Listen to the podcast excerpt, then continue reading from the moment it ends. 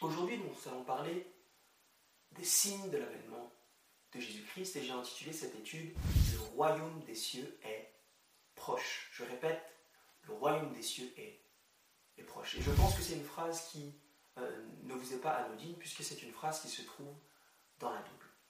Dans Matthieu 3, à partir du verset 2, la Bible nous dit Repentez-vous, car le royaume des cieux est proche.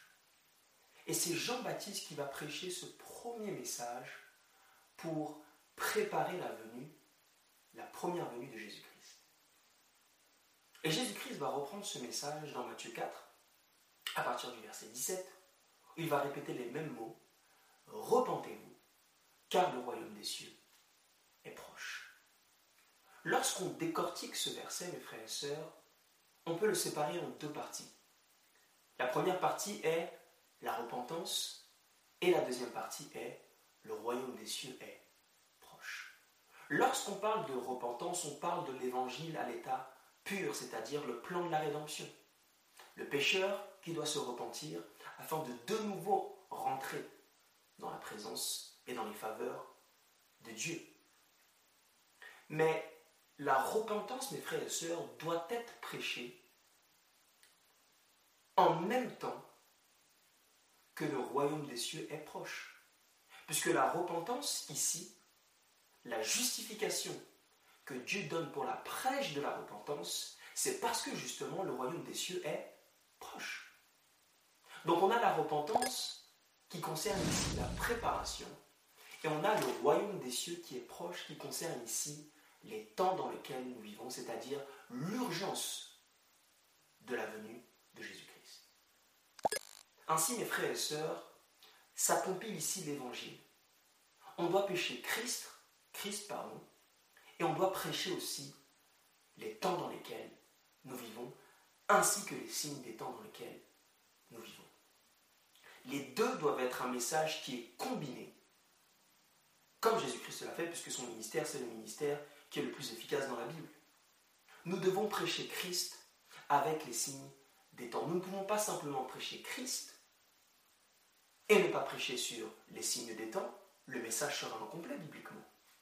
Et nous ne pouvons pas aussi prêcher simplement les signes des temps sans prêcher Christ qui est la préparation, mes frères et sœurs. Ça donnerait un évangile qui est bancal. Et aujourd'hui particulièrement, nous allons parler de, euh, des temps donc du royaume des cieux qui est proche. Premièrement, mes frères et sœurs, une petite introduction, une petite fondation que nous allons établir sur quel est le but des prophéties et quelle est aussi notre mission aujourd'hui en tant que disciples? Hélène dit dans Témoignage pour les pasteurs, la page 60 à 61, elle va dire que nous devons prendre le joug de la prêche de Christ. Pardon, nous devons prendre le joug de la prêche de Christ. Et non le joug de la fixation des temps. Pour ceux et celles qui me connaissent, vous savez que j'essaie de ne pas trop citer les White, d'abord d'établir une base qui est biblique. Aujourd'hui, on va faire un peu l'inverse, on va voir que ces écrits confirment aussi euh, euh, les écrits de la Bible. Ça va ensemble. Et ici, Ellen White nous dit que vous et moi, nous devons nous focaliser sur la prêche de Christ. Et non sur celle d'essayer à chaque fois de fixer des dates sur, par exemple, la seconde venue de Jésus-Christ, où on va voir ensemble le temps de probation. Donc je réitère ma question, quel est le but des prophéties? Lorsqu'on parle des prophéties qui concernent la fin des temps, on peut dire qu'elles sont présentes majoritairement dans le, euh, livre d'Ézéchiel, dans le livre de Daniel et dans le livre aussi d'Apocalypse. C'est les trois livres qui sont euh, majoritairement prophétiques. On a aussi Ésaïe, qui concerne plus particulièrement les prophéties messianiques, mais les trois livres majeurs prophétiques, Daniel, Apocalypse et Ézéchiel. D'ailleurs, Daniel et Apocalypse sont des livres qu'il faut étudier ensemble, même Ézéchiel. Voyons ensemble, par exemple, ce que dit le livre d'Apocalypse qui compile avec Daniel la majorité des prophéties. Dans Apocalypse 1, à partir du verset 3, la Bible nous dit ceci. Révélation de Jésus-Christ, que Dieu lui a donné pour montrer à ses serviteurs les choses qui doivent arriver bientôt, et qu'il a fait connaître par l'envoi de son ange à son serviteur Jean, lequel a attesté la parole de Dieu et le témoignage du Christ de tout ce qu'il a vu. Heureux celui qui lit et ceux qui entendent les paroles de la prophétie et qui gardent les choses qui sont écrites. Et regardez la fin de la phrase, car le temps est proche. Le livre d'Apocalypse, qui est un livre prophétique, commence premièrement par la révélation de Jésus-Christ. C'est le premier but, mes frères et sœurs, des prophéties, révéler Jésus-Christ. Si lorsque vous exposez les prophéties, on ne peut pas voir clairement Christ élevé dans votre prédication ou dans votre étude, mes frères et sœurs, c'est mauvais. Pourquoi? Parce que la Bible nous dit que lorsque le Fils de l'homme sera élevé, alors il amènera tous les hommes à lui.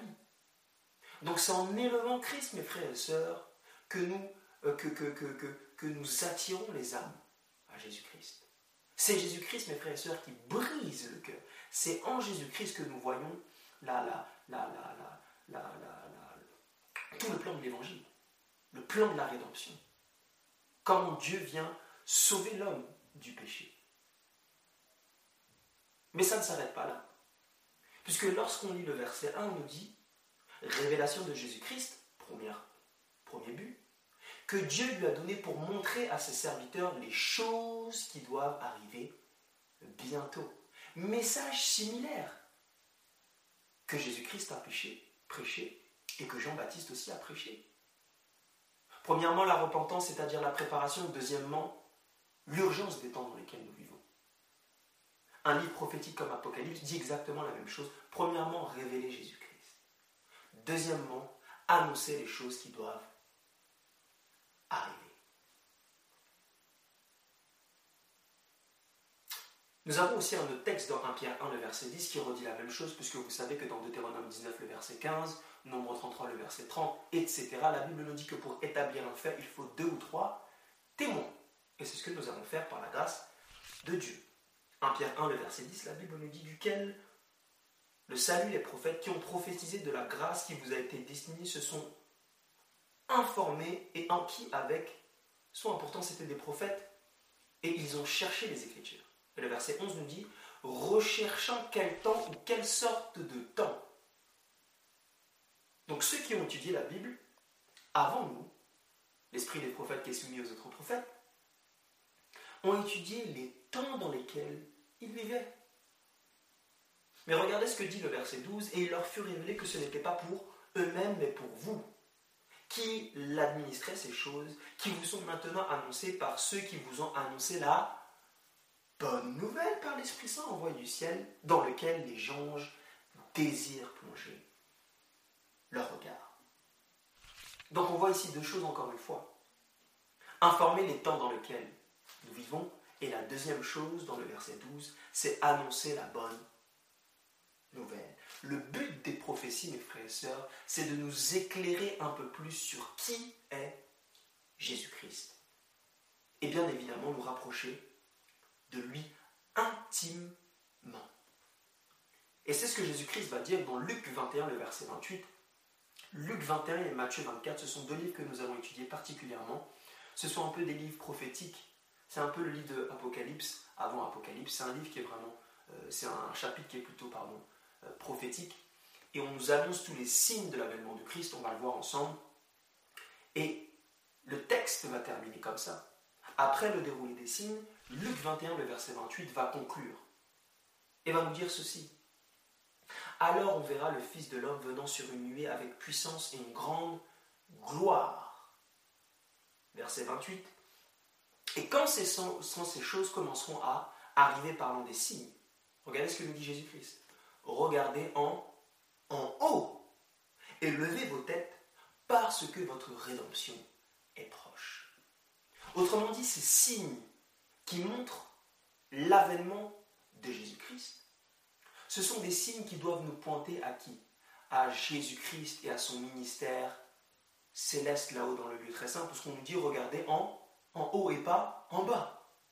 Puisque nous savons bibliquement, avec la prophétie de 2300 soirs le matin, que Jésus-Christ est actuellement dans le lieu très saint et qu'il l'intercède à cet instant, durant ce Yom Kippour.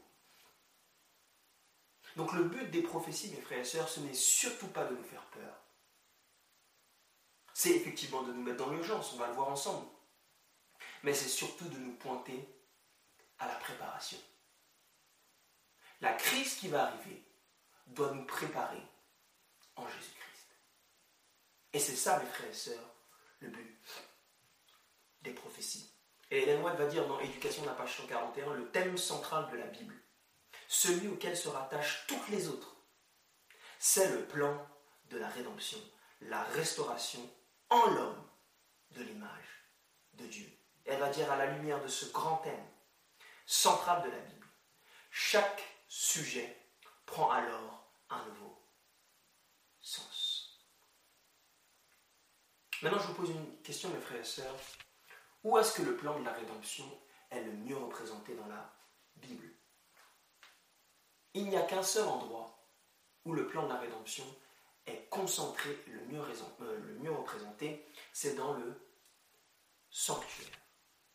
Je ne vais pas ici faire un résumé du sanctuaire, je vais vous mettre une image vous récapitulant les différentes euh, étapes, mais aussi les différents compartiments. Il y avait trois compartiments.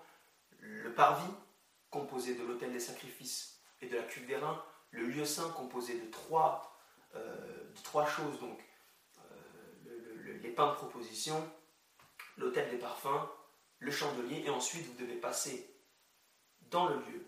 Très saint, c'est là où la présence de Dieu était, d'une manière complète, avec l'arche de l'alliance où il y avait les dix commandements, le siège de la miséricorde, les deux anges qui plongent leur regard sur la miséricorde de Dieu, la Vierge d'Aaron, etc., etc. Vous savez, mes frères et sœurs, que comme Hélène White dit, que le thème central, c'est le plan de la rédemption, dans le sanctuaire, nous pouvons voir aussi les prophéties. Et je vais vous mettre ça euh, actuellement. On a d'abord le ministère de Jésus-Christ qui est représenté par le parvis, c'est son ministère terrestre. L'autel des sacrifices, on sacrifiait l'agneau, c'est l'agneau qui a été sacrifié, Jean 1, le verset 29. Nous avons la cuve des reins, c'est là où mes frères et sœurs, il a été baptisé. Il a été baptisé. La porte, il dit aussi qu'il est la porte dans Jean 10. Donc on voit ici son ministère terrestre. Et ça corrobore avec la prophétie des 70 semaines. Je ne vais pas trop rentrer dans les détails, mais vous avez juste à lire Daniel 8 avec Daniel 9. Les deux vont ensemble, où euh, ça commence d'ailleurs avec le décret avec Artaxerxès pour la euh, reconstruction du temple en 457 avant Jésus-Christ et qui termine à la mort d'Étienne en 34 après Jésus-Christ ministère de Jésus-Christ terrestre, avec le temps de probation notamment d'Israël en tant que nation. Et ensuite, on a Jésus-Christ qui est dans le lieu très saint, qui est représenté par la prophétie des 1260 jours, qui commence, elle, au même moment et au même départ que celle des 70 semaines, et qui s'étend jusqu'en 1844, où là, Jésus-Christ va passer du lieu saint au lieu très saint, et on a bien évidemment la prophétie des 2300 soirées matin de Daniel 8 à partir du verset 14, qui a commencé donc à partir euh, au même moment, en fait, dans 457 avant Jésus-Christ, et qui se termine donc en 1844, euh, plus précisément le 22 octobre. Donc la prophétie des 2300 soirées matin englobe la prophétie des, 70 semaines et la prophétie des 1260. Et lorsqu'on étudie le sanctuaire, on voit effectivement que la prophétie la plus longue, de la purification du sanctuaire, de Jésus-Christ qui va dans le lieu du parvis, dans le lieu saint et dans le lieu très saint, du ministère de Jésus-Christ terrestre, est compilée dans le sanctuaire et on voit que la prophétie la plus longue, c'est celle des 2300 soirées matin aucune place, mes frères et sœurs, pour par exemple des prophéties comme les 25-20 ou autres. On voit que c'est la prophétie la plus longue. Et en étudiant le sanctuaire, on voit qu'il n'y a plus d'autres compartiments. Ainsi, mes frères et sœurs, après ces temps-là, c'est-à-dire après 1844, il n'y a plus de date prophétique. On va voir ensemble qu'il y a des événements prophétiques où l'on peut mettre des dates, mais il n'y a plus de datation prophétique, parce qu'après 1844, plus de datation prophétique possible. Et c'est exactement ce que va dire Hélène White dans Tragédie des siècles, la page 380, le paragraphe 1, elle va dire ceci. L'épreuve des disciples qui prêchent l'évangile du royaume lors de la première venue de Christ a eu sa contrepartie dans l'histoire de ces prédicateurs de la seconde venue. Les apôtres avaient dit le temps est accompli et le royaume des cieux est proche. Écoutez attentivement. De même, Miller et ses collaborateurs annonçaient que la dernière et la plus longue période prophétique des Écritures tirait à sa fin. Et à la fin de la citation, il va dire il en était de même du message de Miller et de ses associés qui annonçaient la fin de la période des 2300 soirs de Daniel 8, le verset 14, etc., etc. Donc la période la plus longue qui est prophétique, qu'a prêché même Miller, que beaucoup de gens étudient aujourd'hui. Miller, d'après Ellen White, savait que la période la plus longue prophétiquement était celle des 2300 soirs et matin. Il ne parlait pas d'autres prophéties. Et d'ailleurs, c'est des écrits qui viennent longtemps après. Par exemple, euh, les soi-disant écrits de Miller sur les 25-20. Donc, c'est ces écrits-là qu'on doit prendre à la fin pour conclure toutes ces choses-là. Donc, il n'y a plus de date prophétique après. Mais aujourd'hui, les gens s'amusent à essayer de mettre des dates après 1844. Jésus-Christ va revenir en 2019. Le temps de probation de l'Église va être en 2020. Mes frères et sœurs, ce n'est pas le message que Dieu a donné. Dans les commentaires bibliques adventistes, le chapitre 7, la page 971, et ça a été écrit en 1900, et la loi va dire ceci, les gens n'auront pas un autre message donnant une date fixe. Mes frères et sœurs, c'est très clair. Après cette période, Apocalypse 10, le verset 4 à 6, allant de 1842 à 1841, il ne peut y avoir de traces précises du temps prophétique le plus long calcul va jusqu'à l'automne 1844. Mes frères et sœurs, c'est très clair. Plus de datation prophétique. Arrêtons d'essayer de mettre des dates pour le retour de Jésus-Christ ou du temps de probation. La Bible nous dit dans Acte 1, le verset 7, ce n'est pas à vous de connaître les temps ou le moment que le Père a fixé de sa propre autorité. Ce n'est pas nous, mes frères et sœurs. Le message de la Bible est simple. Jésus-Christ va arriver comme un voleur dans la nuit. C'est le message, mes frères et sœurs. Reprenons encore quelques citations. Écrites dans les années 1900. Euh, oui, c'est ça. 1900 et 1888. Hélène White va dire ceci. 1887 aussi. Dans le commentaire biblique le volume 7, 989, paragraphe 1, elle va dire Dieu ne nous a pas révélé le moment où ce message va se terminer, ou quand l'approbation prendra fin. Parce qu'il y a des gens qui disent que oui, on, effectivement, ne connaît pas la date de l'avènement de Jésus-Christ, mais on peut, à partir de certains événements, conclure certaines dates du temps de probation, et exactement aussi du temps de probation de son peuple. Or, l'esprit de prophétie est très, très, très clair. Dieu ne nous a pas révélé le moment où ce message va se terminer ou quand l'approbation prendra fin. Ne cherchons pas à savoir ce qui a été gardé secret dans le conseil du Dieu Tout-Puissant. Vous savez, mes frères et sœurs, quand on essaie de chercher les dates du temps de probation du retour de Jésus-Christ, vous savez ce qu'on est en train de faire? On est exactement en train de faire ce que Satan a voulu faire au ciel. Rentrer dans le conseil de la divinité. Grande déception, mes frères et sœurs. Et elle dit dans euh, voilà, euh, commentaire biblique 989 aussi, la page 980, elle va dire l'approbation prendra fin de manière soudaine et inattendue. Donc nous avons vu ensemble que effectivement après 1844, il n'y a plus de date prophétique. Cependant, mes frères et sœurs, il peut y avoir des événements prophétiques clairement établis dans des temps. Et nous allons en voir deux aujourd'hui qui concernent d'ailleurs des faits d'actualité. Je vous invite à aller dans Matthieu 24, Matthieu 24 qui nous parle des signes de l'avènement. Contextuellement parlant, laissez-moi vous résumer ça très rapidement. Les disciples ont demandé à Jésus-Christ quels seront les signes de ton avènement dans Matthieu 24. Et Jésus-Christ va résumer tous les signes qui vont précéder son retour.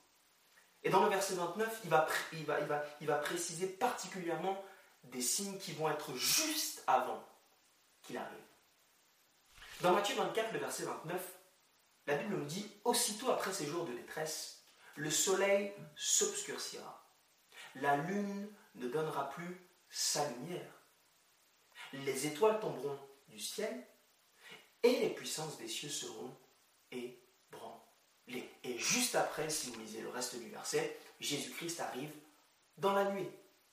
Donc les signes qui sont mis ici prouvent que Jésus-Christ, mes frères et sœurs, est à la porte. Maintenant, vous savez très bien, mes frères et sœurs, que dans la Bible, on étudie précepte par précepte, un peu par-ci, un peu par là. Les évangiles, l'évangile Matthieu, Marc, Luc, Jean particulièrement, et tout d'ailleurs, tous les chapitres de la Bible, pour comprendre un verset, mes frères et sœurs, il faut aller piocher à gauche et à droite, et chaque verset va compléter l'autre dans la. Par exemple, lorsque vous lisez la Bible, lorsqu'on parle du doigt de Dieu et qu'on dit que Jésus-Christ chassait les démons au nom du, euh, euh, du doigt de Dieu ou avec le doigt de Dieu, si vous lisez simplement le texte, vous ne pouvez pas comprendre. Mais en lisant les autres évangiles, on voit que Jésus-Christ est dit dans les autres évangiles qu'il chassait par l'Esprit de Dieu. Donc en comparant les Écritures, on voit qu'effectivement le doigt de Dieu, c'est le Saint-Esprit. Et lorsqu'on lit Exode 31, on sait que les dix commandements ont été écrits du doigt de Dieu, c'est-à-dire par le Saint-Esprit. C'est d'ailleurs pour ça que l'œuvre du Saint-Esprit, aussi à la fin des temps, si vous lisez Jérémie, c'est d'écrire la loi dans notre cœur. Ça a toujours le job, par la grâce de Dieu, du Saint-Esprit. Donc, établissons précepte par précepte et prenons ce principe en compte et euh, faisons-le ensemble. Matthieu 24, le verset 29, nous venons de le dire. Et on va aller dans l'Apocalypse 6, qui va nous parler exactement des mêmes temps. Apocalypse 6, et on va lire à partir du verset 12. Vous savez que Apocalypse parle des sept sceaux. Des sept sceaux.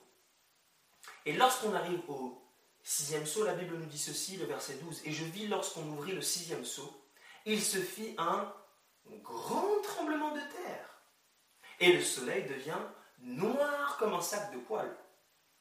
Ça ressemble, il semblerait à Matthieu 24, le verset 29.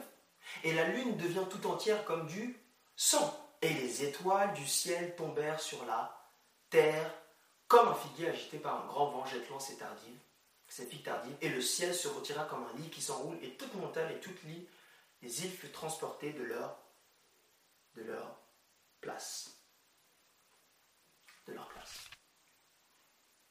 Donc, lorsqu'on compare les Écritures, dans Matthieu 24, on a ce schéma suivant. On a une espèce de fresque chronologique où ça commence par le ciel d'abord qui s'obscurcit. Premier événement. Deuxième événement suivi de la lune qui perd euh, sa lumière, sa lumière, qui devient sang. Suivi des étoiles qui tombe et ensuite le ciel est ébranlé. Et ensuite, il y a le retour de Jésus-Christ. Mais lorsqu'on relit Apocalypse 6, pour comparer Matthieu 24, on voit qu'il y a quelque chose qui a été rajouté lorsque l'on lit microscopiquement. Relisons ensemble le verset 12. Et je vis lorsqu'il ouvrit le sixième sceau, il se fit un grand tremblement de terre. En lisant Matthieu 24, nous n'avons pas ce détail. C'est pourquoi les versets se complètent d'eux-mêmes. Donc il y a le tremblement de terre, normalement, qui arrive avant que le soleil s'obscurcisse. Donc nous avons donc une nouvelle fresque en prenant Matthieu 24, si vous lisez aussi Matthieu 13 par curiosité, et Apocalypse 6. Nous avons d'abord le tremblement de terre, premier événement, suivi du soleil qui s'obscurcit, suivi de la lune qui est en sang, puis les étoiles tombent, et ensuite le ciel est ébranlé. Et juste après que le ciel soit ébranlé, Jésus-Christ arrive, nous avons le retour de Jésus-Christ. Maintenant, voyons ce que Luc, lui, a à nous dire. Est-ce qu'il rajoute des choses? Est-ce qu'il complète? Nous allons voir ensemble dans Luc 21, le verset 25. La Bible nous dit il y aura des signes dans le soleil, pareil que Matthieu 24, dans la lune et dans les étoiles. Et sur la terre, il rajoute il y aura de l'angoisse chez les nations, qui ne sauront que faire au bruit de la mer et au bruit des flots. Et je préfère la version euh, euh, Darby, qui, à la place de qui ne sauront ce que faire, dit les nations seront en perplexité. Donc Luc, mes frères et sœurs, rajoute deux choses. Lorsqu'on regarde la frise, rappelez-vous, tremblement de terre, soleil obscurci, lune de sang, étoile. Mais Luc rajoute deux choses. Que les pays seront dans l'angoisse, premièrement, et ensuite dans la perplexité. Et ensuite, nous avons donc le ciel qui est ébranlé. Et ensuite, nous avons le retour de Jésus-Christ. D'ailleurs, pour ceux et celles qui sont curieux, je vous invite à lire Joël 2 aussi, le verset 21, qui nous parle aussi de ces événements. Joël aussi, d'ailleurs, qui est un livre prophétique. Donc, je répète, lorsque vous avez cette frise chronologique, nous avons une suite d'événements qui précèdent précisément le retour de Jésus-Christ. Nous avons donc le tremblement de terre, le soleil qui est obscurci, la lune qui est en sang, que vous voyez, l'étoile qui tombe, angoisse et perplexité, le ciel est ébranlé, et nous avons le retour de Jésus-Christ.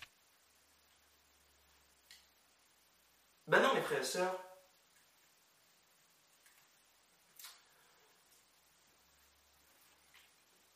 est-ce que ces événements, mes frères et sœurs, sont déjà arrivés? On va voir ensemble que tous ces événements, mes frères et sœurs, la plupart sont déjà arrivés. Qu'en est-il du tremblement de terre? Vous savez, mes frères et sœurs, qu'il y a eu un tremblement de terre le 1er novembre 1755.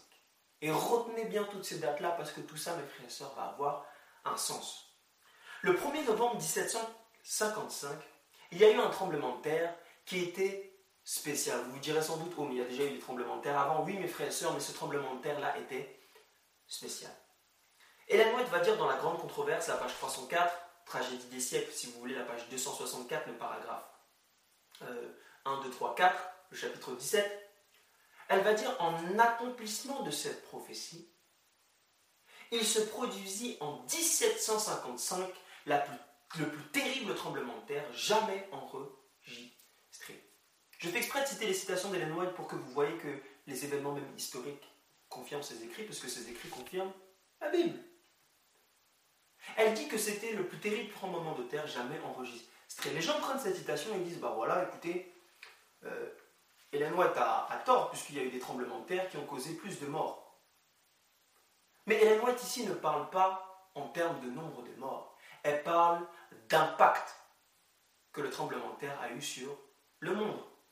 Par exemple, dans euh, l'encyclopédie britannique, qui va résumer ce séisme en 1755, il va dire ceci.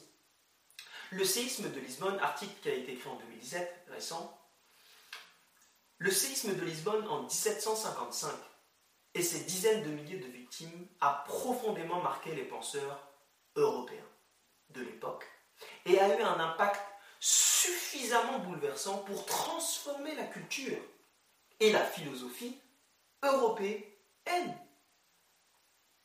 Donc si effectivement en termes de mort, ce n'est pas euh, le plus grand séisme qu'il y a eu, en termes d'impact culturel, philosophique, social et tout ce que vous voulez, c'est le plus grand séisme qui est arrivé.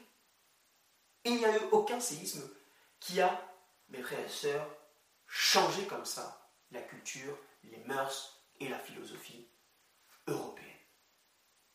Et cet événement-là est arrivé en 1755. Donc on a vu que cet événement-là est déjà arrivé en 1755. Qu'en est-il du soleil qui est obscurci? Hélène va dire le 19 mai 1780 figure dans l'histoire sous le nom de Jour noir. Tragédie des siècles, la page 266. Elle va dire depuis l'époque de Moïse, aucune période d'obscurité, de densité, d'étendue et de durée égale n'a été enregistrée. Donc elle dit effectivement que le 19 mai 1780, il y a eu ce qu'on appelle le jour noir, parce que le soleil s'est obscurci. Et ce n'était jamais arrivé avant. Il n'y a jamais eu quelque chose comme ça, puisque ça a duré, si vous étudiez bien, pendant plusieurs jours, du 12 jusqu'au 19 mai. Donc à peu près une semaine. Pendant une semaine, il y a eu tous ces signes. Le soleil qui s'était obscurci. Dans la Gazette de Joliette, écrit le 20 octobre 1882, et dans un journal aussi qui s'appelle Les Quatre Saisons, donc 1882, donc pas très longtemps après, c'est un journal qui est fiable.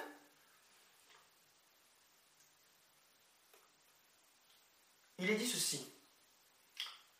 Les ténèbres furent telles, dit un autre historien, donc ce sont des historiens qui ont écrit ça, notamment l'historien, euh, François Xavier. Il dit les ténèbres furent telles que l'on fut obligé d'allumer les chandelles à 3 heures de l'après-midi. Vous imaginez? Plusieurs jours avant le 12, l'atmosphère avait été remplie de vapeur. Comme quand il y a des grands feux à quelque distance dans le bois. Et regardez ce qu'il va dire. Le soleil, mais écoutez bien, et la lune prirent une teinte d'un rouge prononcé.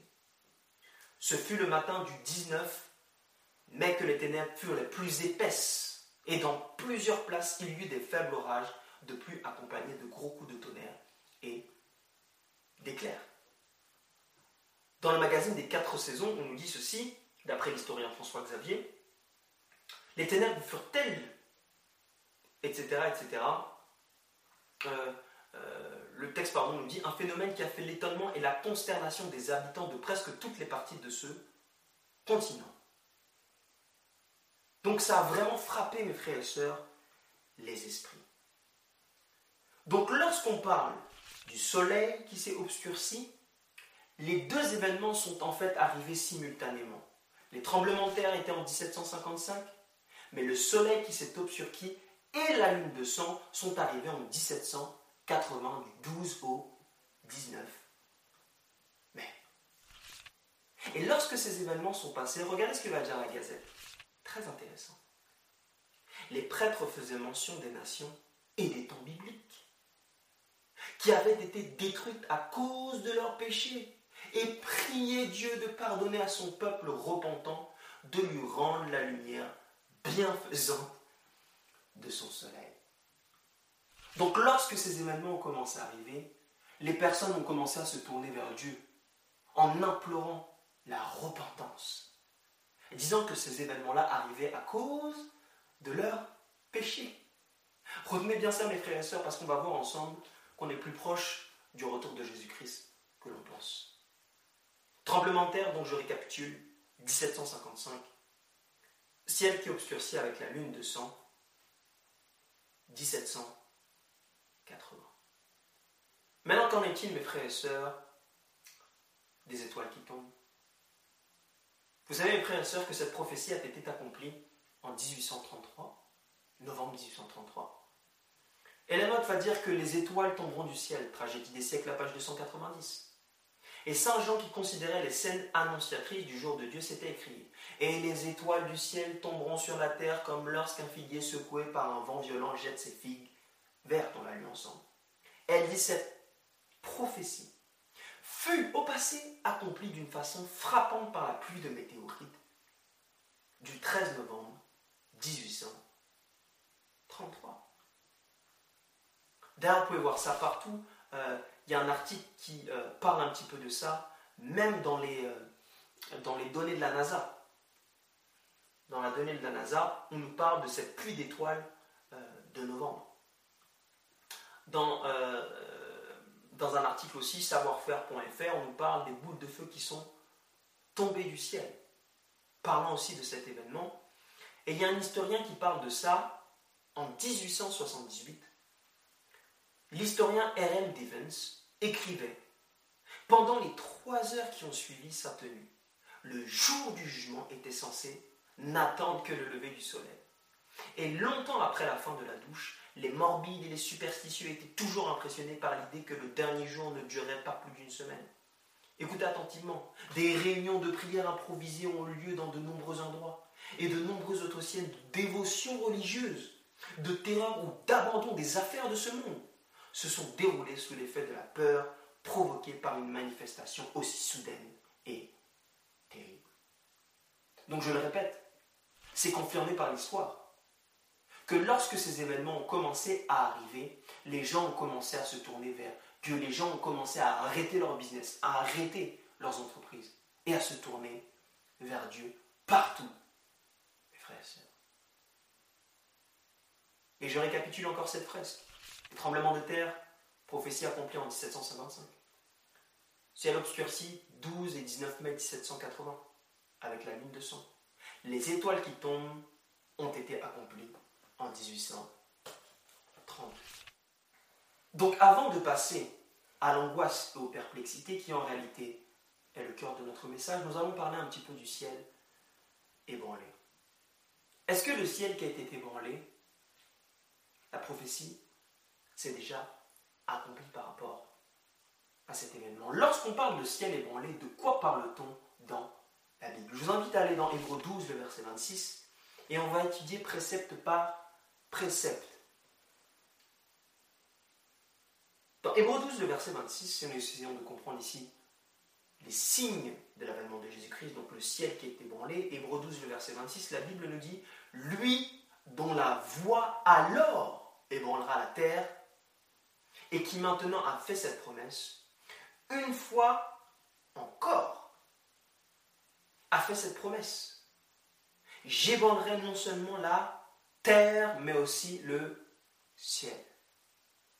Lorsque nous lisons ce texte, on nous parle effectivement de la terre qui est ébranlée, ou du ciel, pardon, qui est ébranlé. Et on nous dit que c'est ébranlé dans deux endroits, au ciel, mais aussi sur la terre. Mais qu'est-ce qui cause le fait que ce soit ébranlé? On nous dit que c'est la voix de Dieu. Dans Joël 3, le verset 16, un autre témoin, la Bible nous dit De Sion l'Éternel rugit. On nous parle de Dieu. De Jérusalem, il fait entendre sa voix, et les cieux et la terre sont ébranlés. Mais l'Éternel est un refuge pour son peuple, un abri pour les enfants d'Israël. Donc on voit ici, mes frères et sœurs, très clairement à partir de deux témoins, que ce qui ébranle le ciel et la terre, c'est la voix de, de Dieu, mes frères et sœurs. Mais la question qu'il faut se poser, c'est quand la voix de Dieu ébranlera les cieux. Je vous invite à aller dans Apocalypse 16, le verset 1. Apocalypse 16, le verset 1 qui nous parle des sept coupes de la colère de Dieu qui vont être déversées sur la, sur la terre. Regardez ce que dit la Bible dans Apocalypse 16, le verset 1. Ça commence par Et j'entendis une, une voix forte qui venait de quoi? Du temple. Ici on parle du sanctuaire céleste. Donc on entend une voix qui sort du ciel et qui dit aux sept anges qui ont les coupes, allez et versez sur la terre les sept coupes de la colère de Dieu.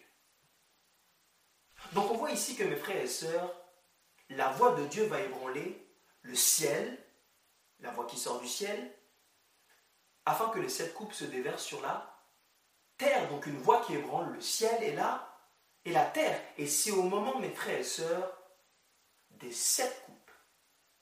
Lorsque les sept coupes sont sur le point d'être déversées, le ciel et la terre sont ébranlés par la voix de Dieu. Maintenant, mes frères et sœurs, je vous pose une question qui est très simple. On a vu ensemble qu'effectivement, le ciel est ébranlé au moment des sept coupes. Mais les sept coupes, bibliquement parlant, les sept coupes viennent avant ou après la marque de la bête. On va voir ensemble, mes frères et sœurs, que les sept coupes viennent après la marque de la bête. Et on va voir pourquoi. Parce que lorsqu'on parle de la marque de la bête dans la Bible, on nous parle aussi du sceau de Dieu qui vient en contradiction avec la marque ou le sceau de la bête. Dans l'Apocalypse 7, Apocalypse 7, la Bible nous dit ceci.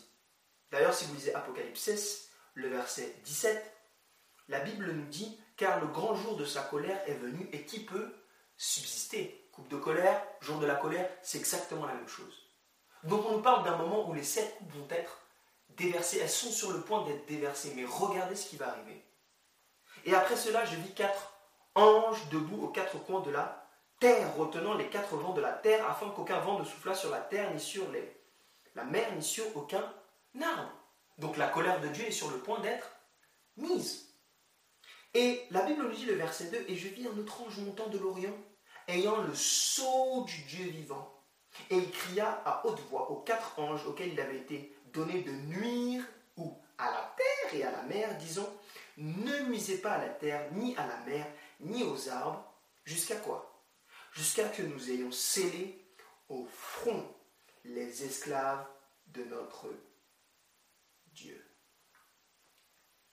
Donc on voit ici dans Apocalypse 7 que avant que le sept coupes soient versées sur la terre, Dieu doit d'abord sceller son peuple. Il doit donc sceller son, son peuple. Ce qui veut dire, mes frères et sœurs, que lorsqu'on réanalyse la fresque, il y a un événement que nous pouvons rajouter. Rappelez-vous, le ciel est ébranlé, ça concerne donc les sept plaies. Mais avant les sept plaies, le peuple de Dieu doit être scellé. Et si le peuple de Dieu est scellé, c'est qu'il y a eu le test de la marque de la bête. Donc la marque de la bête, qui n'est autre que la loi du dimanche. On peut voir ça bibliquement, mais ce n'est pas l'étude. La marque de la bête arrive juste avant les sept donc on a cette fresque-là. Les tremblements de terre qui ont été accomplis en 1755.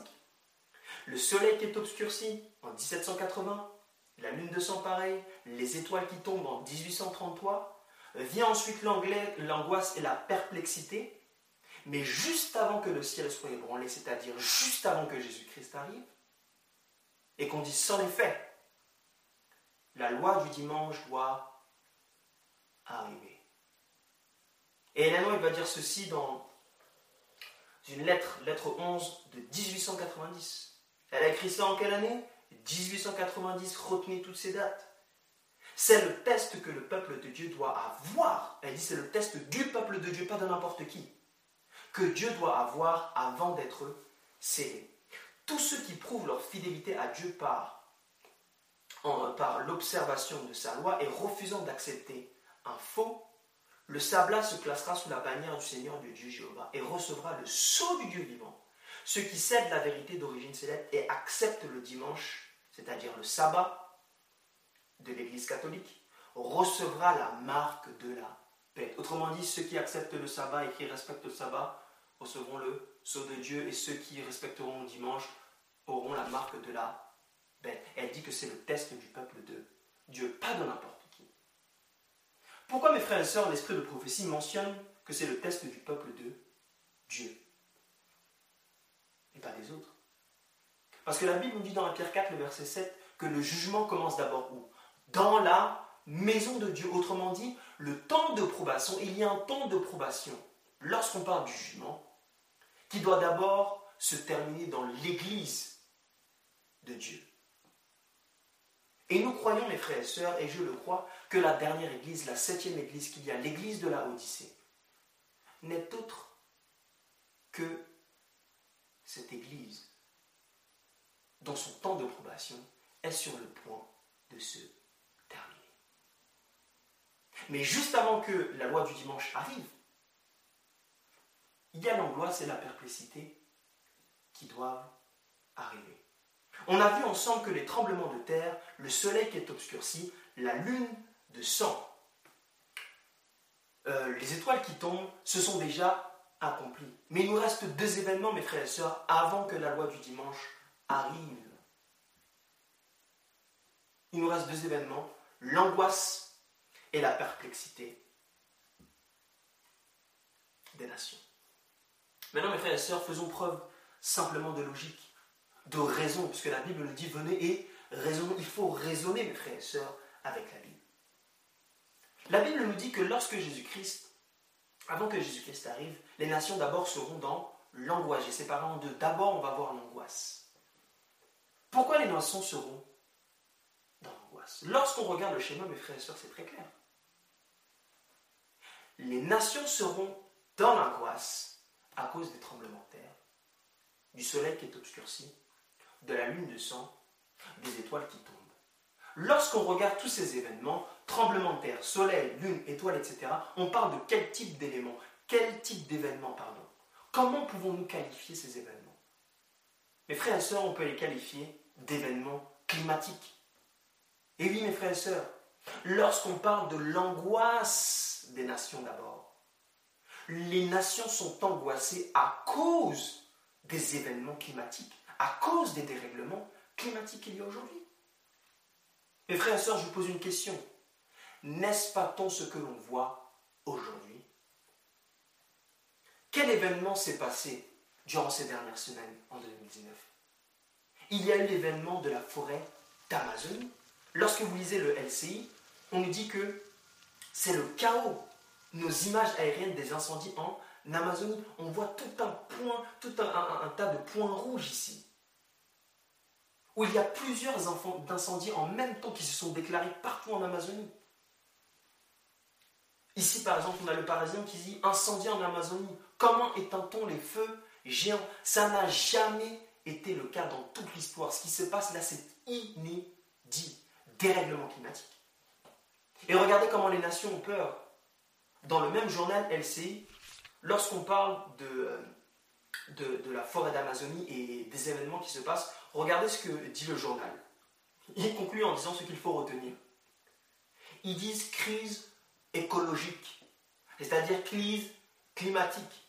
L'Amazonie est en proie aux flammes depuis le début juillet. L'Institut national de recherche spatiale a enregistré au Brésil une hausse des incendies de 83% entre janvier et août 2019 par rapport à 2018 et la situation semble empirer. Des centaines de nouveaux feux ont été détectés ces derniers jours. Donc on voit, mes frères et sœurs, que les nations sont angoissées à cause du climat. Regardez ce que dit Le Monde dans un article paru en 2019, le 21 juin. Le climat suscite une peur inédite. Ils sont dans l'angoisse, car elle est planète Terre. Donc on voit que ces événements climatiques, cette peur, cette angoisse est bel et, euh, pardon, euh, bel et bien universelle international. Toutes les nations ont peur, ils sont dans l'angoisse à cause de ces dérèglements climatiques. Un peu comme ce qui s'était dans les années 1780 et 1800. Lorsque les gens commençaient à être dans l'angoisse, ils ont eu peur lorsqu'ils ont vu ces événements. C'est exactement, mes frères, ce qui se passe aujourd'hui. Dérèglement climatique, pareil dans le monde. Pourquoi tout pourrait se jouer dans les 18 prochains mois? Dans un magazine saint et éternel. Pareil, on nous dit, nos enfants vont-ils voir la fin de l'humanité? Ils savent que c'est la fin du monde, à cause du réchauffement climatique. Et le magazine affirme que les experts disent oui. Le Figaro, le climat, la Terre proche du point de rupture. Le journal Libération, fin du monde, pourquoi elle est pour demain ou pas. Donc lorsque les nations voient là ces dérèglements climatiques. Il conclut, mes frères et sœurs, que c'est la fin du monde.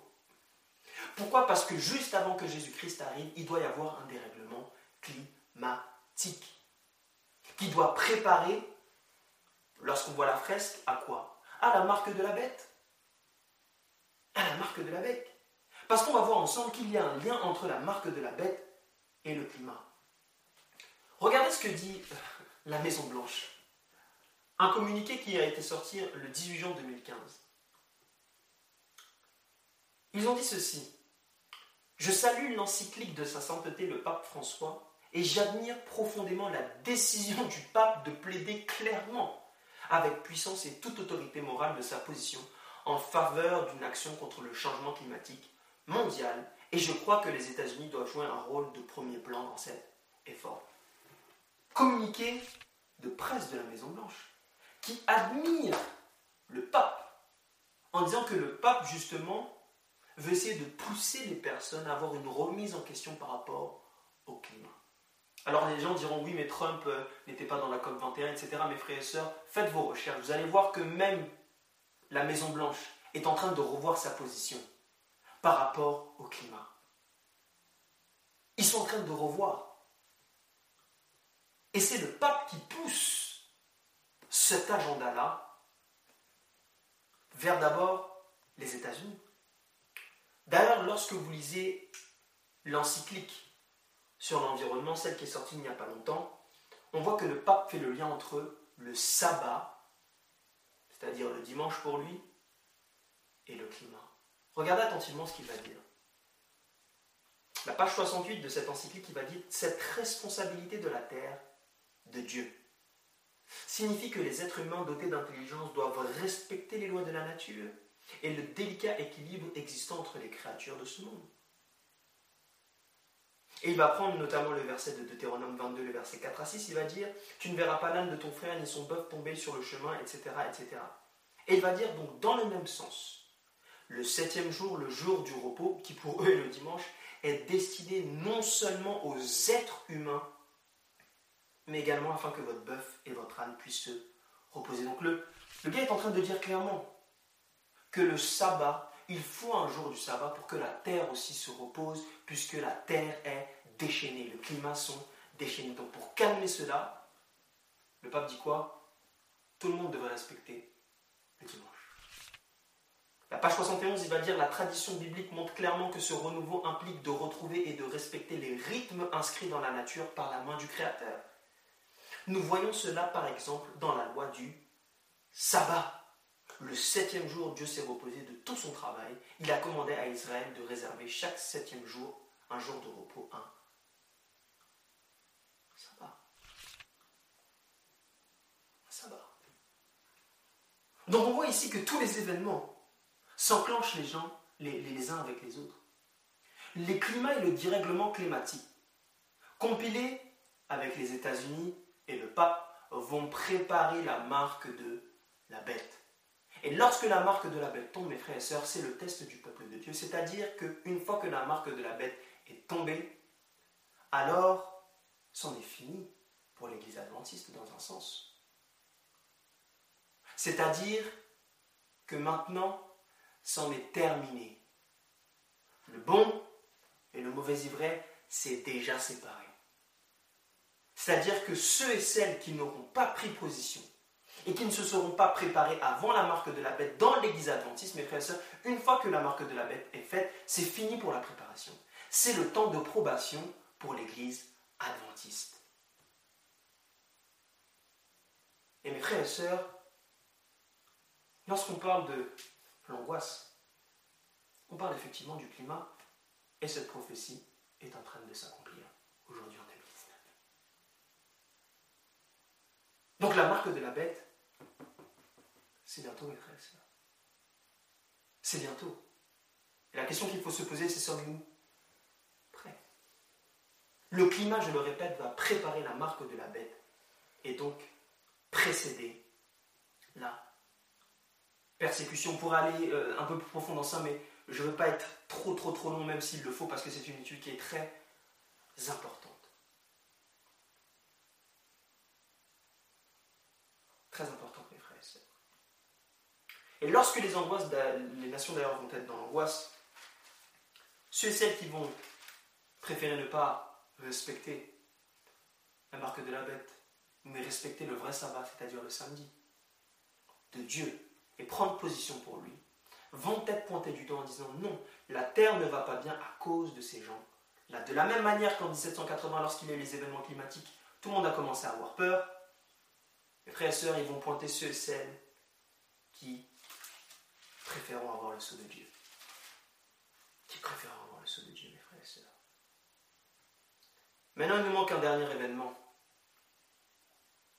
qui est celle de la perplexité. On a vu ensemble que le tremblement de terre jusqu'aux étoiles, c'est accompli. L'angoisse, mes frères et sœurs, c'est quasiment Voire accompli. La loi du dimanche, on sait qu'elle n'est pas encore arrivée. Mais juste avant, il faut qu'il y ait une perplexité. Donc il nous reste un dernier événement qui précède la marque de la bête et qui précède la venue de Jésus-Christ. C'est la perplexité. L'angoisse, on l'a vu ensemble, c'est le climat. Mais qu'en est-il de la perplexité Rappelez-vous dans Luc 21, le verset 25, la Bible nous dit Et il y aura des signes dans le soleil, la lune, les étoiles et sur la terre, une angoisse des nations en perplexité dans la Darby, devant le grand bruit de la mer et des flots. De quoi la Bible parle lorsqu'elle parle de la perplexité? Je ne peux pas rentrer en détail euh, dans ce dont je vais vous parler, mais vous allez voir que mes frères et sœurs, c'est totalement cohérent. Vous savez que dans Matthieu 24, on nous parle aussi d'un événement juste avant que Jésus-Christ arrive, on nous parle de l'abomination de la désolation. C'est toute une étude. Je ne vais pas la faire, mais on nous parle quand même de l'abomination de la désolation, qui précède donc la venue de Jésus-Christ. Lorsqu'on parle de l'abomination euh, de la désolation, la Bible nous dit le verset 15 de Matthieu 24, Et quand donc vous verrez l'abomination de la désolation dont il a été parlé par Daniel le prophète, établi dans le lieu saint, que celui qui lise comprenne. Lorsqu'on parle de l'abomination, c'est un signe aussi qui arrive avant la venue de Jésus-Christ. On nous dit que ça a été parlé par qui? Par Daniel. Donc il faut aller dans le livre de Daniel pour comprendre l'abomination de la désolation et pour comprendre de quoi ici concrètement on parle. Je vous invite à aller dans Daniel 11, le verset 30. Daniel 11, le verset 30. Daniel 11, le verset 30 à 31, la Bible nous dit ceci. Des navires de Kittim, retenez bien ça, s'avanceront contre lui, découragés, et il rebroussera. Puis furieux contre l'Alliance sainte, il ne restera pas inactif à son retour, il portera ses regards sur ceux qui auront abandonné l'Alliance sainte. Le verset 31, des troupes se présenteront sur son ordre, elles profaneront le sanctuaire, la forteresse, elles feront cesser le sacrifice perpétuel et dresseront l'abomination du dévastateur. Donc en étudiant ce texte, on nous parle effectivement de l'abomination de la désolation, de l'abomination du dévastateur. On nous parle de troupes, c'est toute une étude. Mais le verset 30 qui précède l'abomination de la désolation commence par un événement bien spécifique. Ça commence par les navires de Kittim qui s'avancent contre lui. Maintenant, question, mes frères et sœurs, que représentent les navires de Kittim dans la Bible? Que représentent les navires symboliquement et spirituellement dans la Bible? Parce que lorsqu'on étudie l'abomination de la désolation, c'est une double signification. ça avait une signification pour les Juifs dans leur temps, mais c'est une signification aussi pour la fin des temps. Donc, que représentent les navires de Kittim, de Kittim pardon, à la fin des temps? Je vous invite à aller dans Psaume 107, le verset 23. Psaume 107, le verset 23, pour voir ce que représentent d'abord les navires dans la Bible. Les navires dans la Bible. Psaume 107, le verset 23. La Bible nous dit ceux qui descendent sur la mer dans des navires, qui font leur travail, c'est la version d'Arby, sur les grandes eaux. Donc, la parole ici est en train de nous dire que les navires dans la Bible, il semblerait que ça représente quoi? Ceux qui travaillent. Donc les navires, il semblerait que ça représente ceux qui travaillent. Maintenant, allons dans Apocalypse 18, le verset 4 et on va lire jusqu'au verset 20, on va lire quelques parties. Rappelez-vous, Apocalypse 18, c'est euh, le message du quatrième ange qui vient éclairer euh, de sa gloire toute la terre. Et on nous parle aussi dans ce chapitre-là du jugement de Babylone. Et lorsqu'on parle du jugement de Babylone, la Bible nous dit ceci. Euh, on va lire le verset 17. D'abord le verset 9 pour que vous voyez qu'on parle du jugement de Babylone. Et tous les rois de la terre qui se sont livrés avec elle à l'impudicité et au luxe pleureront et se lamenteront à cause d'elle quand ils verront la fumée de son embrasement. Donc on parle ici de la destruction de Babylone. Et les gens, le verset 10, diront, se tenant éloignés dans la crainte de son tourment, ils diront Malheur, malheur, la grande ville Babylone, la ville puissante, En une seule heure est venu ton jugement. Maintenant, de quoi Dieu parle lorsqu'il parle de une seule heure, son jugement est venu? Comment Dieu a-t-il jugé Babylone en une heure? Ici, on parle euh, euh, bien évidemment d'une manière spirituelle. La Bible répond le verset 17, elle va dire ceci. En une seule heure, tant de richesses ont été détruites. Et tous les pilotes, tous ceux qui naviguent vers ces lieux marins et tous ceux qui exploitent la mer se tenaient éloignés. Et il s'écria en voyant la fumée de son environnement, quelle ville était semblable à la grande ville? Et jetaient la poussière sur leur tête et ils pleuraient, ils étaient dans le deuil ils criaient, ils disaient, malheur, malheur, la grande ville, où se sont enrichis par son opulence tous ceux qui ont des navires sur les mers. En une seule heure, elle a été détruite. Donc lorsqu'on parle des navires ici, en prenant Psaume 107, 107 le verset 23, et Apocalypse 18, le verset 17, on voit que les navires représentent ceux qui travaillent. Ça représente ceux qui accumulaient les richesses de Babylone. Donc d'une manière claire, aujourd'hui, on dirait que les navires sont la force motrice du commerce.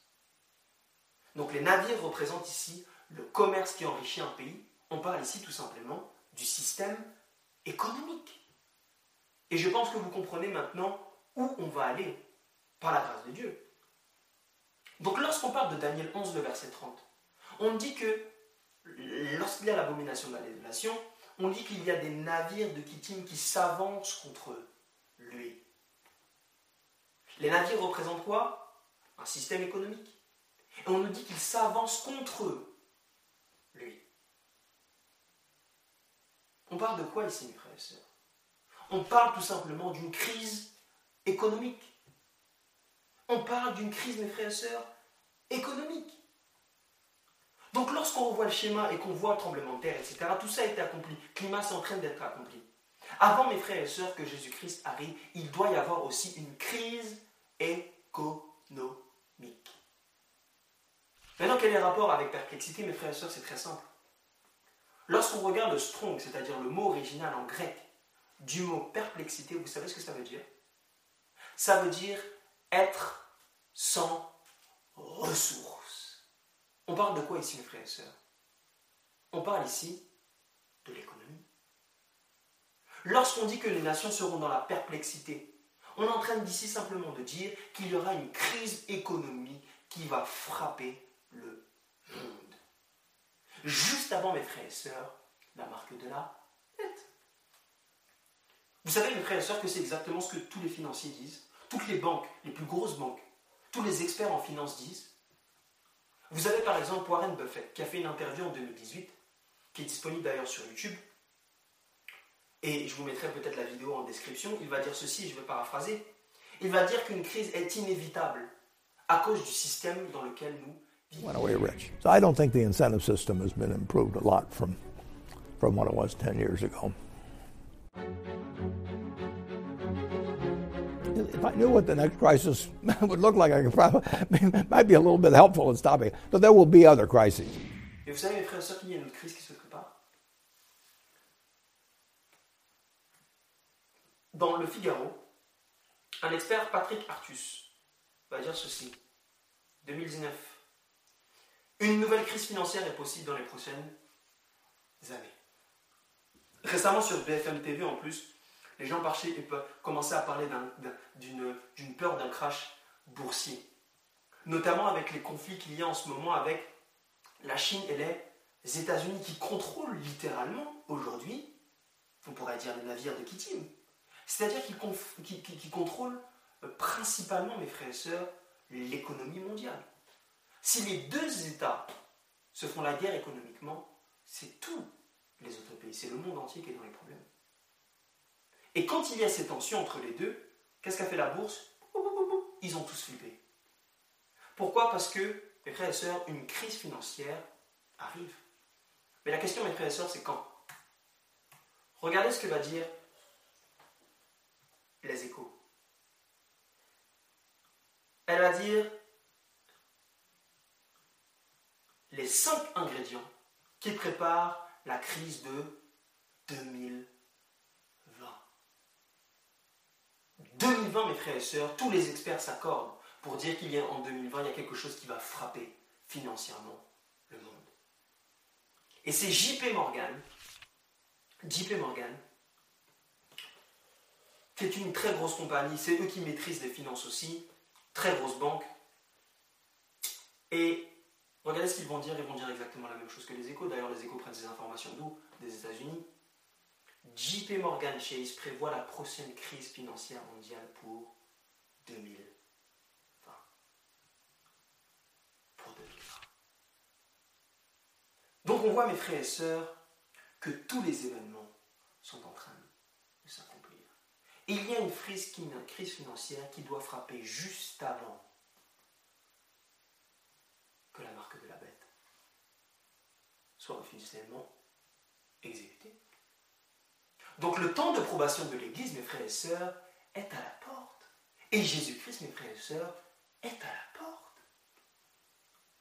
Maintenant, mes frères et sœurs, lorsqu'on parle de crise financière, vous vous dites, oh bah, on a jusqu'à 2020. Mais vous savez, mes frères et sœurs, en quelle année était la première crise financière? Lorsque vous étudiez l'histoire, la crise de 2008 et toutes ces autres crises-là, la crise de 1925, première récession, la crise de 1925 n'était que le, si vous voulez, la, la conséquence d'une autre crise qui s'est passée. Lorsque vous lisez l'histoire, vous voyez qu'il y a une crise qui s'est faite en 1873. Donc lorsqu'on regarde ces événements, mes frères et sœurs, ces événements en réalité se sont déjà accomplis. Lorsqu'on parle de l'angoisse des nations et des climats, mes frères et sœurs, les nations étaient déjà dans l'angoisse lorsqu'il y avait les événements. On l'a vu historiquement parlant en réalité. Lorsqu'on parle de la crise financière, elle a déjà eu lieu déjà en 1873, puis en 1925, puis en 2008, et les gilets experts disent en 2020. Et vous demandez pourquoi d'ailleurs il semblerait que les histoires se répètent. C'est parce que mes frères et sœurs, il y a quelque chose qui manque dans le schéma. Il y a le peuple de Dieu, on va voir ensemble, qui n'est pas Dieu, dans sa miséricorde, répète, répète les événements. Mais la question, mes frères et sœurs, c'est jusqu'à quand? La miséricorde de Dieu, mes frères et sœurs, n'est pas infinie. Et nous pensons que nous avons le temps et le temps. Mais lorsque nous regardons la fresque, mes frères et sœurs, regardez. 1755, tremblement de terre. 19 mai 1780, soleil obscurci, lune de sang, étoile qui tombe, angoisse, perplexité. Mes frères et sœurs, tous ces événements-là, vous savez quoi? Se sont accomplis. Vous savez en quelle année? Avant quelle année? Avant 1888. Qu'est-ce que je suis en train de dire, mes frères et sœurs? Il semblerait que lorsqu'on regarde tous ces événements, il semblerait, mes frères et sœurs, que la marque de la bête était déjà prête à tomber en 1888. Autrement dit, Jésus-Christ était déjà sur le point de revenir normalement en 1888. Et que s'est-il passé, mes frères et sœurs, en 1888 pour ceux qui ont étudié l'histoire? Le message du troisième ange, le message de Jésus-Christ crucifié, élevé, ressuscité, a été rejeté par son peuple. Son peuple n'était pas prêt en 1888. C'est pour ça que les événements, mes frères et sœurs, se répètent. On pense que les gens pensent que c'est à cause des païens, que c'est à cause des gens dehors, peu importe comment on les appelle. Mais la réalité, mes frères et sœurs, c'est à cause de son Église que Jésus-Christ n'est pas encore revenu aujourd'hui. Quelle honte Quelle honte La Bible nous dit dans Matthieu 24, le verset 12, que cette bonne nouvelle sera prêchée et la fin viendra. Pourtant, cette bonne nouvelle, mes frères et sœurs, est prêchée partout, mais la fin n'est toujours pas venue. Pourquoi? Parce que le plus grand des serments n'a pas encore été fait, c'est-à-dire celle d'une vie sanctifiée, parfaite, le peuple de Dieu n'est pas prêt aujourd'hui. Vous savez d'ailleurs, mes frères et sœurs, et je vais terminer par ça, que en 1888, vous savez que la marque de la bête était déjà là. Nous pensons que la marque de la bête, d'ailleurs, c'est dans plusieurs années, que le décret n'a pas encore été mis. Mais mes frères et sœurs, vous savez que le décret a déjà été mis dans certains États. Lorsque vous lisez ce livre qui s'appelle euh, American State Paper, au sujet de la législation le dimanche. Écrit, mes frères et sœurs, par des avocats du barreau, et ça a été écrit en 1911, donc pas très longtemps avant 1888. Vous savez ce qu'ils disent? Ils disent qu'une application complète du véritable principe de la liberté religieuse débarrasserait ces constitutions de ces incohérences et abolirait chaque loi du dimanche inscrite dans les lois de tous les États de l'Union dotés de telles lois. Ces avocats sont en train de dire qu'en réalité, la loi du dimanche est déjà dans certains États. Nous, nous pensons que le décret, machin, elle, elle est déjà, mes frères et sœurs, dans certains États. On va voir ensemble que c'est depuis à peu près 1888. C'est-à-dire qu'en 1888, tout était réuni pour que Jésus-Christ revienne. Le temps de probation de l'Église était sur le point de terminer, mais Dieu, dans sa miséricorde, a dit mince, mon peuple n'est pas prêt. On a rajouté, mes frères et sœurs, le message et le messager. Regardez ce que la page 34 va dire. Et ça, c'est des avocats, mes frères et sœurs, ce ne sont pas des gens qui blaguent. Ils disent quiconque s'absente du service divin chaque dimanche. Parlant de ce qui s'est passé dans les années 1980. Quiconque s'absente du service divin chaque dimanche sans excuse valable perd un livre de tabac. Celui qui s'absente un mois parlant du dimanche perdra 50 livres de tabac 5 shillings, 50 livres de sabbat ou 10 coups de fouet pour non-assistance à l'église. Vous êtes en train de me dire qu'en 1880, les chrétiens déjà étaient persécutés parce qu'ils ne voulaient pas adorer le dimanche, leur jour, qui est le faux jour du sabbat, mes frères et sœurs. Déjà dans les années 1880. Ça veut dire, mes frères et sœurs, que la loi du dimanche est déjà dans certains États. Est déjà dans certains États, mes frères et sœurs. La page 35, il dit Depuis que la religion a été déstabilisée en Virginie et dans les autres États d'origine, les dernières lois américaines du dimanche n'ont pas exigé l'assistant de l'Église. Mais elles ont continué à appeler dimanche le jour du sabbat et à interdire le travail, les affaires, les commerces, les loisirs et les activités ordinaires, amusement comme autrefois ce jour-là. Donc par exemple dans les États du Virgin, les États d'origine d'Amérique, mes frères et sœurs, la loi du dimanche est déjà inscrite dedans. Elle n'a pas été effacée. Elle est encore aujourd'hui dedans. Déjà dans certains états, mes frères.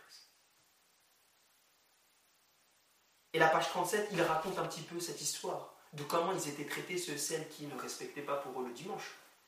Quiconque profanera le jour du Seigneur en faisant un travail utile, en travaillant ou en pratiquant des activités sportives ou récréatives, lui ou ceux qui transgressèrent ainsi perdra pour chaque défaut de 40 shillings, ou sera publiquement chuchoté euh, ou fouetté. Mais il est clair par présomption et avec une main haute commise contre le commandement de Dieu et l'autorité connue du Dieu béni, une telle personne y méprisant et reprochant au Seigneur sera quoi? Mis à mort ou sévèrement puni par le jugement de la cour. frères et sœurs, nous pensons que la marque de la bête est à des miles away, comme on dit en anglais, que c'est à des kilomètres mes frères et sœurs, c'est déjà en train d'être fait. Déjà. Déjà, mes frères et sœurs. Ce qui veut dire, encore une fois, je le répète, que le temps d'approbation de l'Église est sur le point de se terminer et que Jésus-Christ est à la porte. Vous savez, mes frères et sœurs, qu'en 1880, dans ces années-là, les adventistes étaient déjà persécutés, qu'il y avait déjà une persécution à cause du jour du sabbat. Et en plus, on va voir quel type de persécution. Celui qui nous dit dans la page 722 et 723 nous récapitule l'histoire de l'Amérique. Monsieur Baker, observateur du septième jour, a été arrêté le 11 avril, écoutez la date, 1893, et jugé par le juge Phillips, comté de Queen, le 12 avril sous l'accusation du fait de labourer le dimanche. Il a été condamné à une amende et au paiement à s'élevant de 11 dollars, et le jugement de la juridiction inférieure fut confirmé. Il fut envoyé en prison et purgea sa peine pendant 43 jours. Mes frères et sœurs, un adventiste persécuté. Et regardez ce qu'il va dire ici, je vais terminer avec cette, euh, deux citations de ce livre.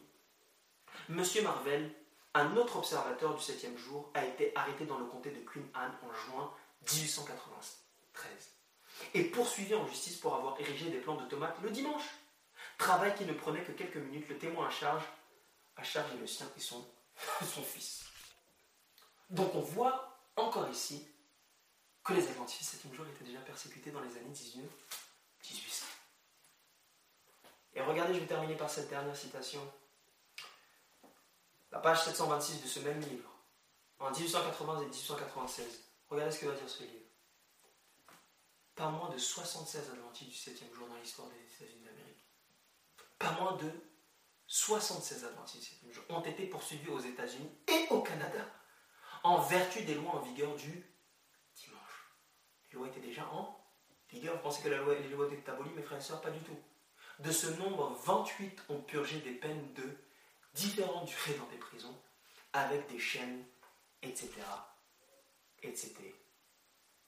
Ah. Déjà des adventistes qui respectaient le sabbat étaient déjà mis en prison. Déjà mis en prison. Si vous lisez d'ailleurs euh, plusieurs articles, dont euh, un homme qui parle de ça, Brian Alberts, le 25 mars 2018, il va dire que les lois dominicales ne concernent pas le christianisme, elles concernent l'économie. Et euh, euh, il dit par exemple que dans l'Indiana, euh, le mois dernier, les habitants de l'Indiana ont eu la possibilité d'acheter de l'alcool. Pour la première fois depuis deux siècles. Donc il est en train de dire ici que dans l'Indiana, par exemple, les gens ne pouvaient pas acheter d'alcool le dimanche. Il y avait une loi qui leur interdisait à cause du dimanche. Et cette loi-là perdurait depuis combien de, temps? Deux siècles, mes frères et sœurs. 200 ans. Et le texte euh, euh, de, l'article de la personne nous dit ceci, c'est dans le Washington Post d'ailleurs. Après toutes les lois de l'Indiana ont commencé en 1787 avec pour directive que le monde chrétien devrait s'abstenir de tout travail sauf celui de nécessité et de charité pour honorer le sabbat. Donc, l'article est en train de dire qu'en 1787, mes frères et sœurs, il y avait déjà des lois concernant le dimanche dans certains États, dont la Virginie, etc., etc., et même l'Indiana.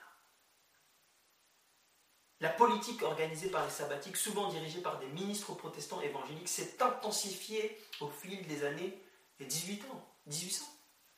Donc dans les années 1800, qu'est-ce qui s'est passé? Le mouvement a commencé à s'intensifier, notamment avec une association qui s'appelle euh, l'association du dimanche, le Sunday Law Association. Vous allez voir, ça existe encore aujourd'hui et ils sont très actifs.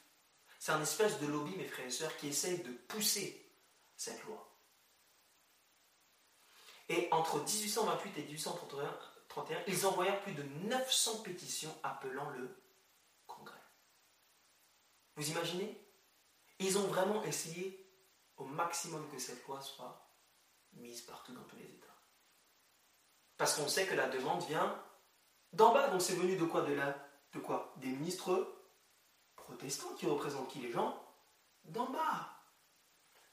On parle souvent des syndicats, mes frères et sœurs, mais il n'y a pas que ça il y a aussi les ministres évangéliques, protestants. Dans les années 1880, écoutez, certains États et certaines villes ont commencé à revenir sur la loi du dimanche, ou tout simplement à les ignorer, mais d'autres les ont doublés.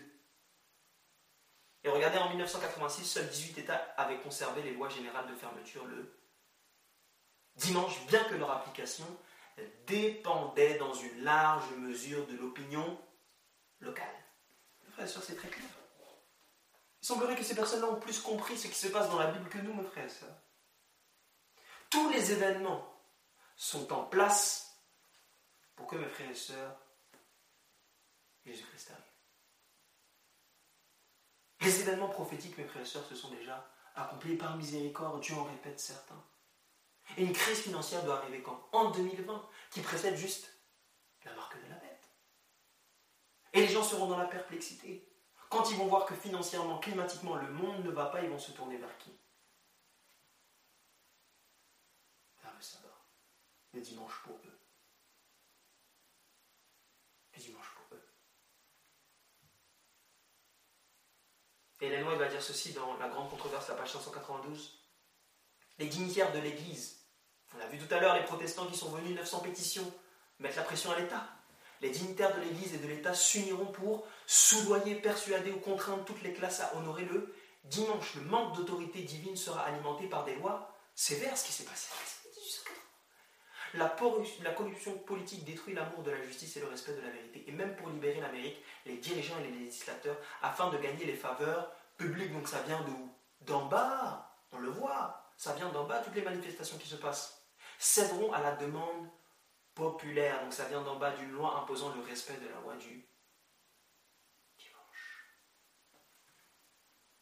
Donc mes frères et sœurs, tous les événements sont en place. Il semblerait même que les gens de dehors connaissent les temps. Que les athées connaissent les temps. Mais il semblerait, mes frères et sœurs, qu'il y ait un peuple qui ne réalise toujours pas les temps dans lesquels nous sommes. Dans Jérémie 8, le verset 7, la Bible nous dit Même les cigognes dans les cieux connaissent leur saison. Version d'Arnaud. Et la tourterelle et l'hirondelle et la grue prennent garde au temps où elles doivent venir. Mais Dieu qui plaide avec son peuple va dire Mais mon peuple ne connaît pas le jugement de l'éternel. Dieu, frères et sœurs, aurait pu déjà revenir depuis longtemps. Vous imaginez pas de, pas de première guerre mondiale, pas de deuxième guerre mondiale, pas de génocide, pas de toutes ces choses-là, mes frères et sœurs. Dieu aurait pu revenir, tout est déjà prêt, sauf une chose. Tous les événements sont là, ils sont accomplis, sauf une seule chose, mes frères et sœurs, son peuple. Et le temps de probation pour l'Église adventiste est sur le point de se Jésus-Christ, mes frères et sœurs, est à la porte, mais son peuple n'est pas prêt. La fin, mes frères et sœurs, n'est pas arrivée. Pourquoi? Parce qu'il nous manque, mes frères et sœurs, le caractère. L'Église de Dieu, mes frères et sœurs, a soi-disant tout.